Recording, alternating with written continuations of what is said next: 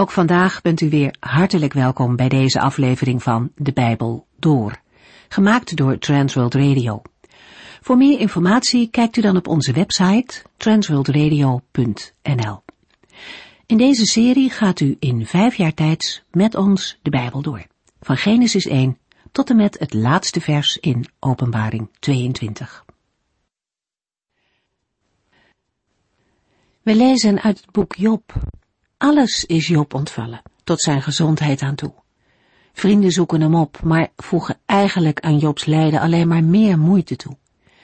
De vorige keer lazen we hoe diep teleurgesteld Job is, ook in zijn vrienden. Op prachtige, poëtische manier weet hij te omschrijven hoe ze hem laten zitten.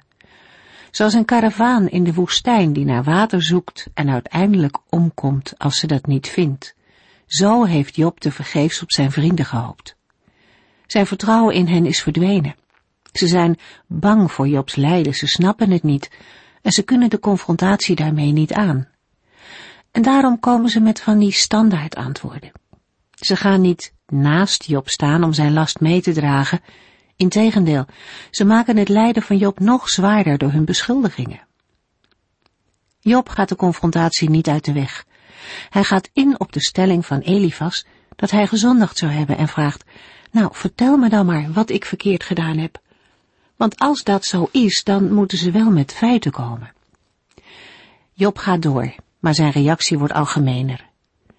In hoofdstuk 7 roept hij zijn vragen uit naar de hemel. Job verwacht dat hij niet lang meer zal leven en mist daarin de rust. Zelfs nachts wordt hij geplaagd door angstdromen en onrust.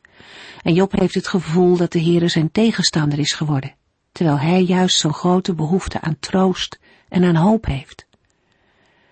Het kan echter goed zijn, ook al ziet Job dat niet, dat dit satanische aanvallen zijn om Job bij God vandaan te trekken.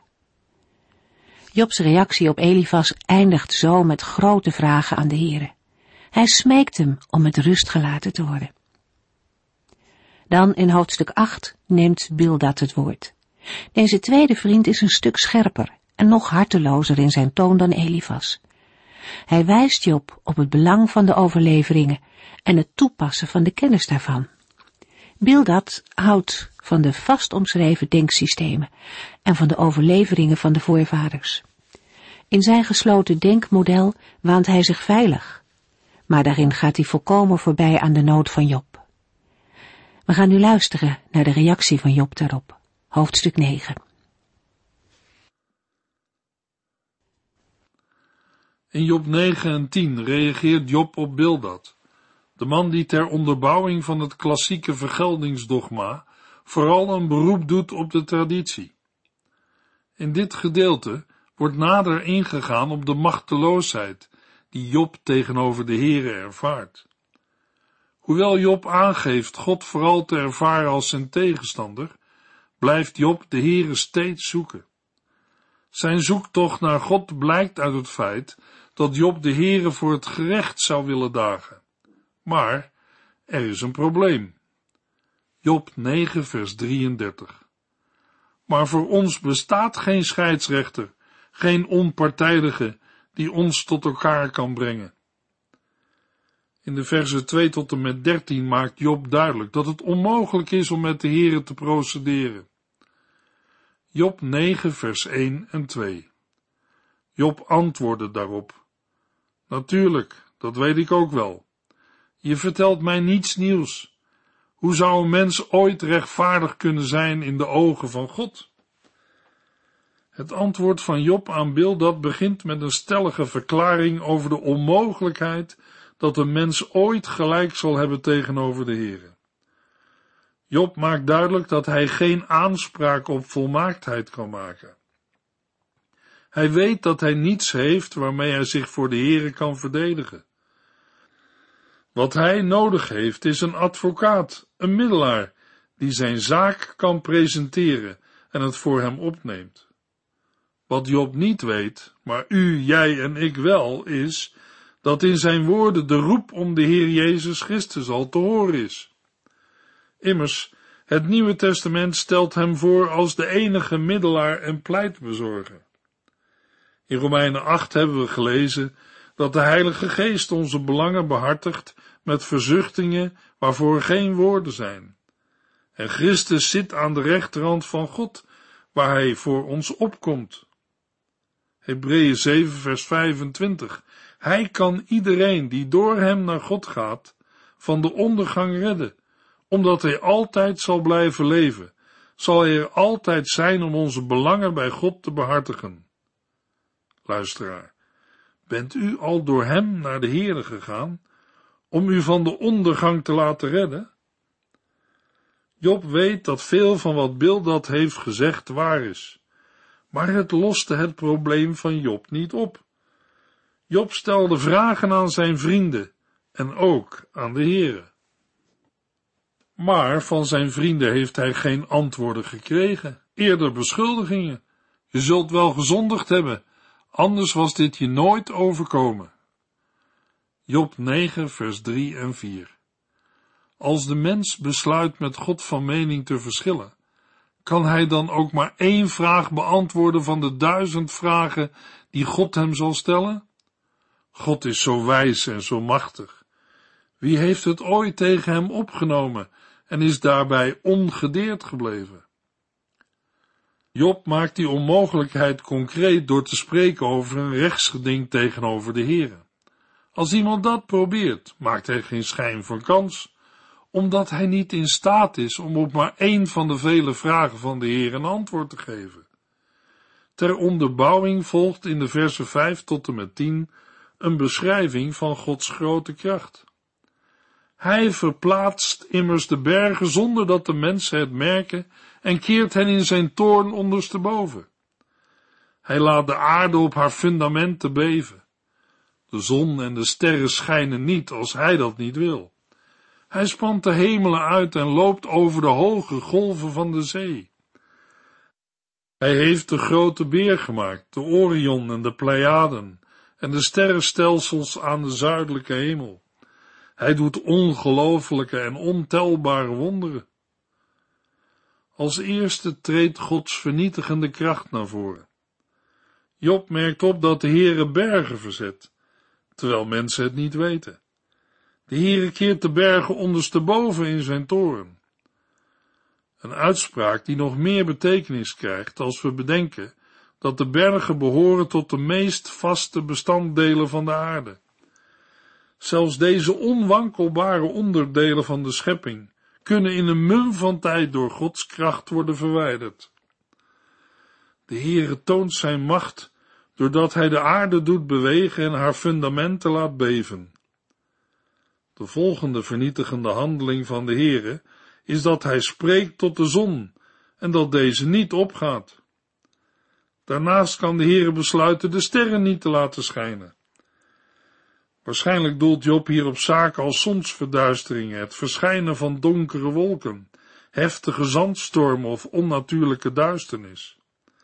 De majesteit van de Heere openbaart zich in deze verse in kosmische verschijnselen. En daarmee wordt opnieuw de onvoorstelbare kracht van de Heere getoond. Na deze vernietigende kant van Gods handelen gaat Job in de versen 8 tot en met 10 in op de positieve kant.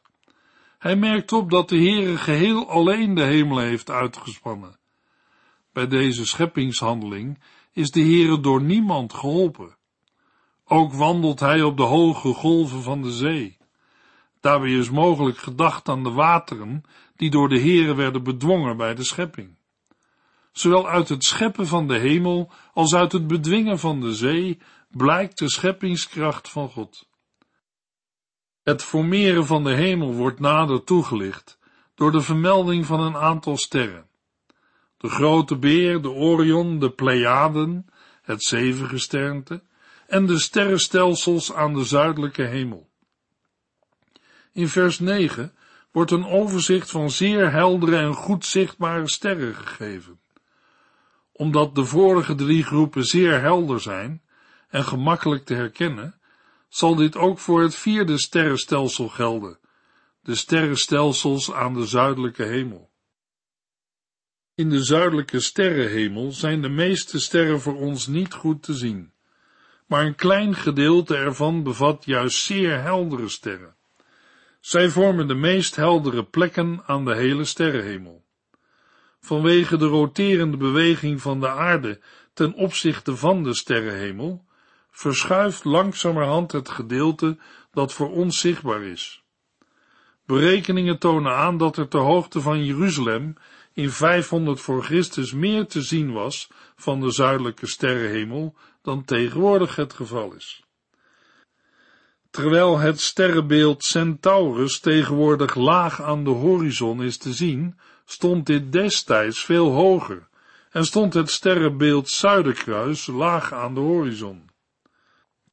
Als we nog verder terugrekenen in de tijd, blijkt dat in 2000 voor Christus het zuidelijke deel van de hemel, waar de meeste heldere sterren staan, het Ea van de Babyloniërs, het best zichtbaar was. Samenvattend merkt Job op dat de Heere grote dingen doet die ondoorgrondelijk zijn, en dat hij wonderen verricht die niet zijn te tellen. Hoewel Job spreekt over het ontzagwekkende van Gods daden, weten we uit het verband dat zijn houding tegenover Gods daden niet erg positief is. Hij ervaart die daden als vijandig, waardoor hij geen recht ontvangt. Job 9 vers 11 Hij gaat onzichtbaar voorbij. Hij glipt langs mij heen, maar ik kan hem niet zien. Er wordt bij dit vers door uitleggers wel gewezen op overeenkomsten met de verschijning van de Heere op de Sinaï, waar het niet mogelijk was om de Heere te zien, omdat hij voorbij trekt en Mozes de Heer alleen van achteren zag. Job ziet hier zelfs de achterzijde van de Heere niet.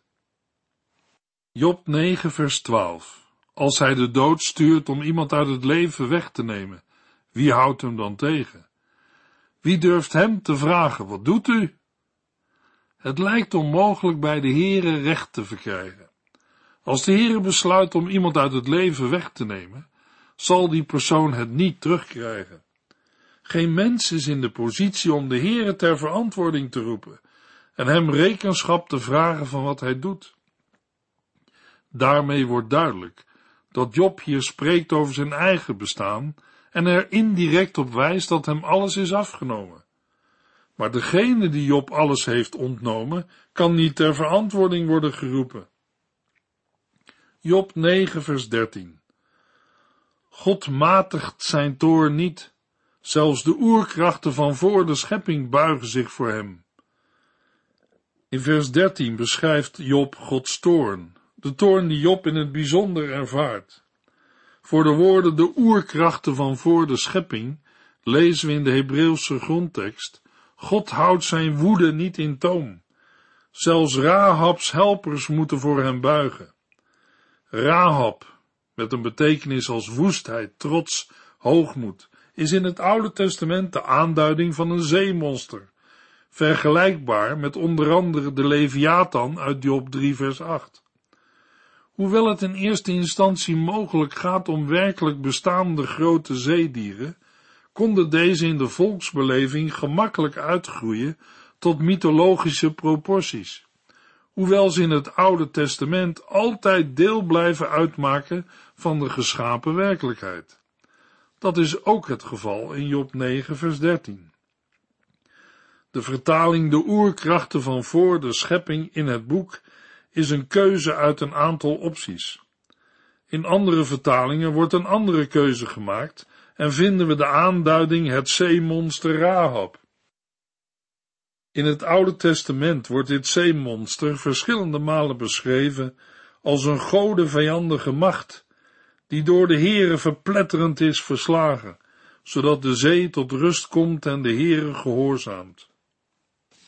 De toorn van de Heere komt mede tot uitdrukking in het beteugelen van de oerkrachten van voor de schepping, of zelfs het zeemonster Rahab en zijn helpers moeten buigen voor de Heere.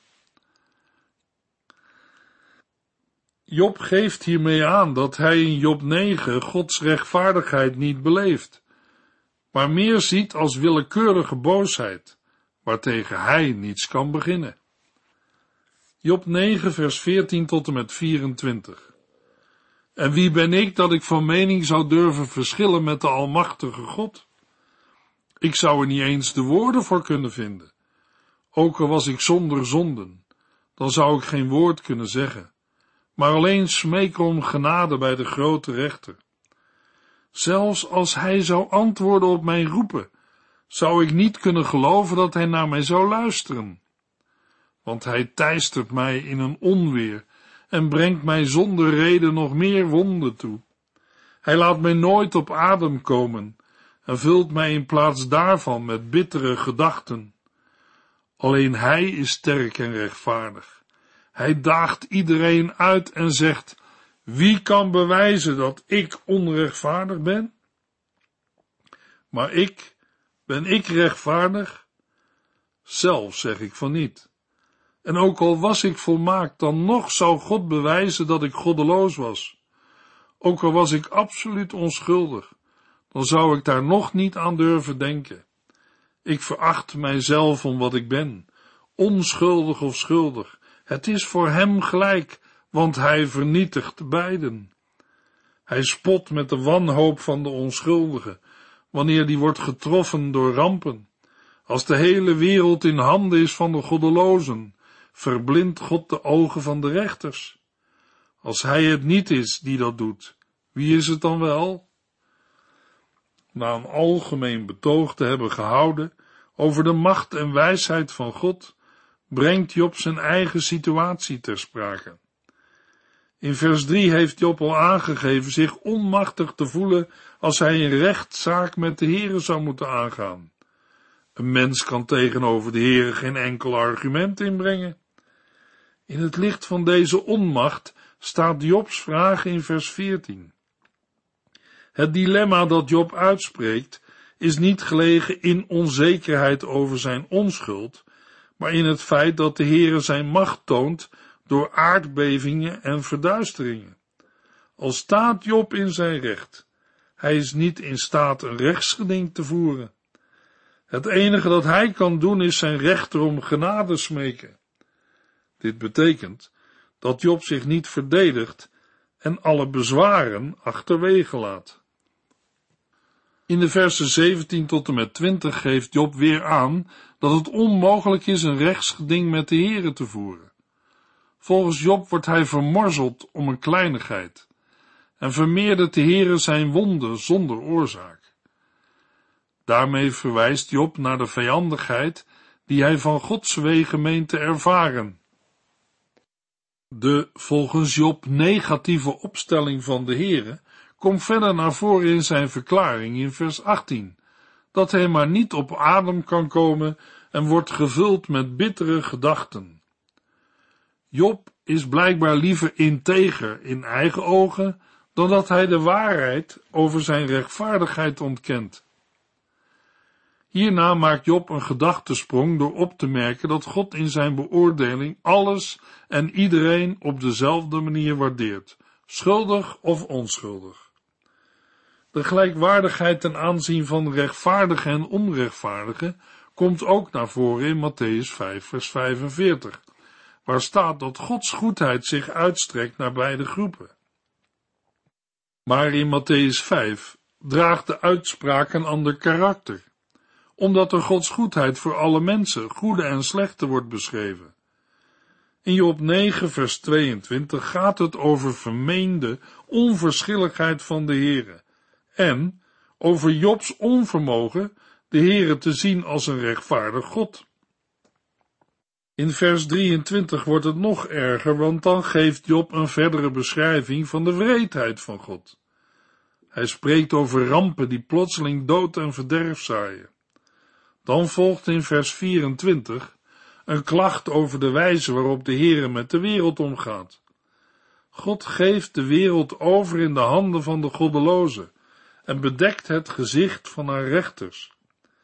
Daarmee wordt aangegeven dat de Heer een actieve rol lijkt te spelen in de opkomst van onrechtvaardige heersers en oneerlijke rechters.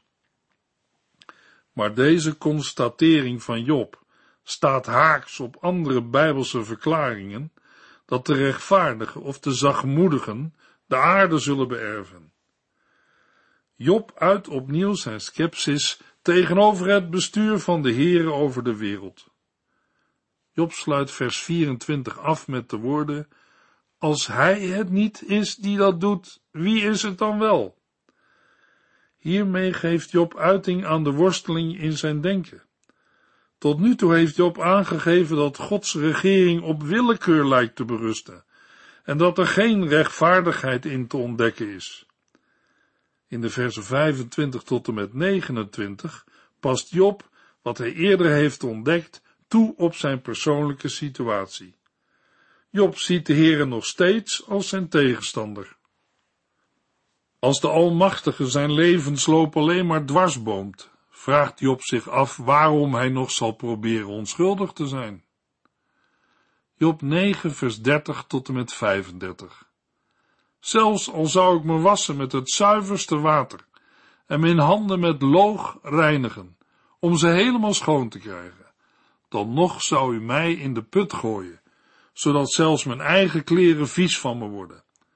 En ik kan mezelf niet verdedigen, want de Heere is geen gewone sterveling zoals ik. Als hij dat wel was, zou ik de hele zaak eerlijk uitpraten. Maar voor ons bestaat geen scheidsrechter, geen onpartijdige die ons tot elkaar kan brengen.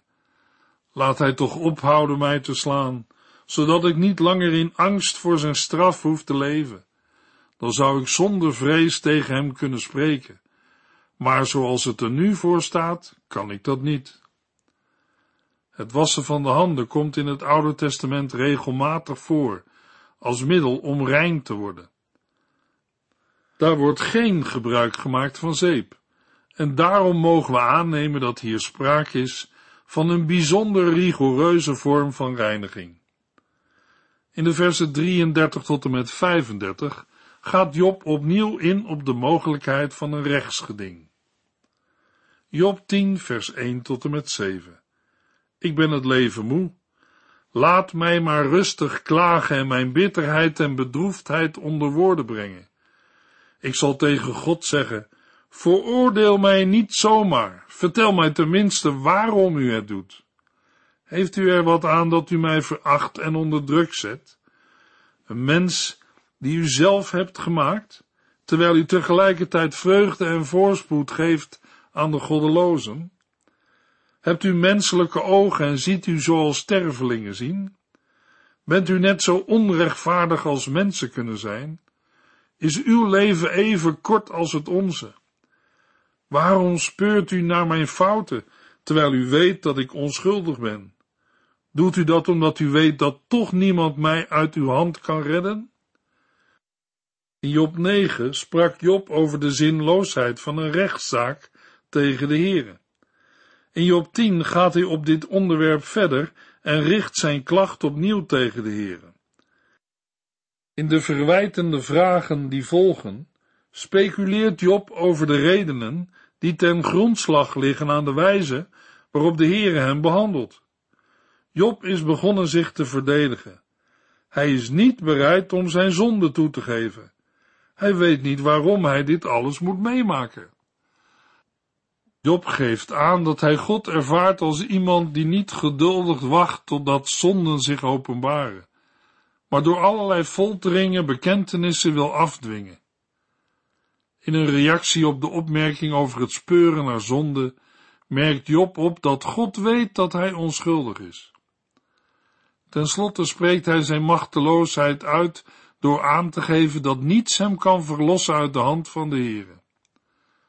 In de versen 8 tot en met 12 beschrijft Job de schepping van de mens en werkt hij uit wat hij in vers 3 heeft aangegeven. Job zegt dat Gods handen hem volledig hebben gevormd en gemaakt. Maar na die scheppingsdaad vernietigt de Heer hem.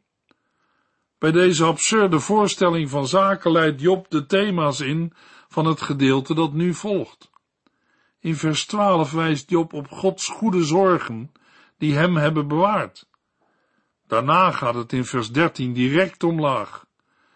De goddelijke bewaring krijgt een negatieve lading. Job ervaart de Heer als zijn bewaker, een soort spion die erop gericht is dat hij niet wordt vrijgesproken. In vers 17 lezen we, U stelt zich steeds vijandiger tegen mij op. Job 10, vers 18 tot en met 22. Maar waarom liet u mij dan toch geboren worden? Waarom liet u mij bij mijn geboorte niet sterven? Dan zou ik niets geweten hebben van dit ellendige bestaan. Ik zou direct vanuit de baarmoeder naar het graf zijn gebracht. Ziet u niet hoe weinig tijd ik nog heb? Och, laat mij toch met rust, zodat ik nog een korte tijd van vreugde heb, voordat ik naar het land van duisternis en de schaduwen van de dood ga, om nooit meer terug te keren. Een land dat zo donker is als de diepste duisternis van de nacht. Een land van de schaduw van de dood, waar verwarring heerst en waar het helderste licht nog zo donker is als de nacht. In Job 9 en 10 heeft Job uitgesproken hoezeer hij de Heere ervaart als degene die zijn onheil zoekt en hem daarom als zijn tegenstander ziet. De Heere lijkt te handelen in willekeur. God wordt omschreven als iemand die Job met zorg heeft gemaakt, maar daarbij heeft hij een verborgen en duister doel. Volgens Job is de Heer erop uit hem te vernietigen. Job spreekt buitengewoon negatief over God. Daarbij komt de vraag op of een gelovige dat wel mag. Kan een schepsel zijn maker ter verantwoording roepen en zo ver gaan in zijn twijfels? Aan de andere kant is het bijzondere van Job dat hij volhardt in zijn zoeken naar de Heer. Die zoektocht gaat door grote aanvechtingen en diepe twijfel heen. Maar Job blijft de Heere aanroepen en geeft niet op. In de volgende uitzending lezen we Job 11 vers 1 tot en met 13 vers 4. U heeft geluisterd naar De Bijbel Door, in het Nederlands vertaald en bewerkt door Transworld Radio. Een programma waarin we in vijf jaar tijd de hele Bijbel doorgaan. Als u wilt reageren op deze uitzending of u heeft vragen, dan kunt u contact met ons opnemen. Tijdens kantooruren kunt u bellen op 0342 478432. 0342 478432. Ook kunt u een e-mail sturen naar de Bijbel at transworldradio.nl en natuurlijk kunt u ook via de post ons bereiken. TWR, postbus 371, postcode 3770, AJ in Barneveld. Dit programma werd gepresenteerd door Cor Weda en Ike André. Techniek was in handen van Odin van Voerkom. En wij allemaal bedanken u voor het luisteren. Graag tot de volgende keer.